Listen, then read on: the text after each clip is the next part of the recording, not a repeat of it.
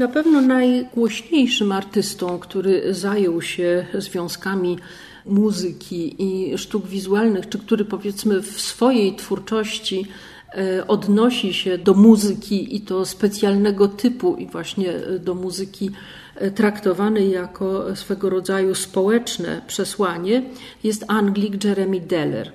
Pokazujemy tutaj jego bardzo znaną pracę, która nazywa się Historia Świata i składa się z dwóch elementów. Jednym jest mural, e, rodzaj takiego e, diagramu na ścianie, który pokazuje to, co się stało między Acid House a Brass Bands.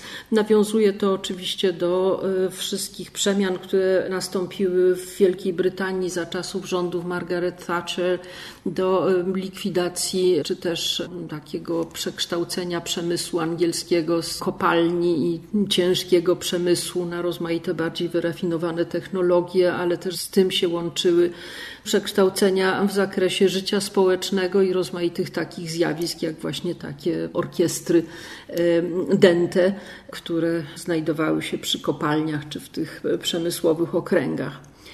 Jeremy Deller łączy znowu taki komentarz społeczny z formą artystyczną.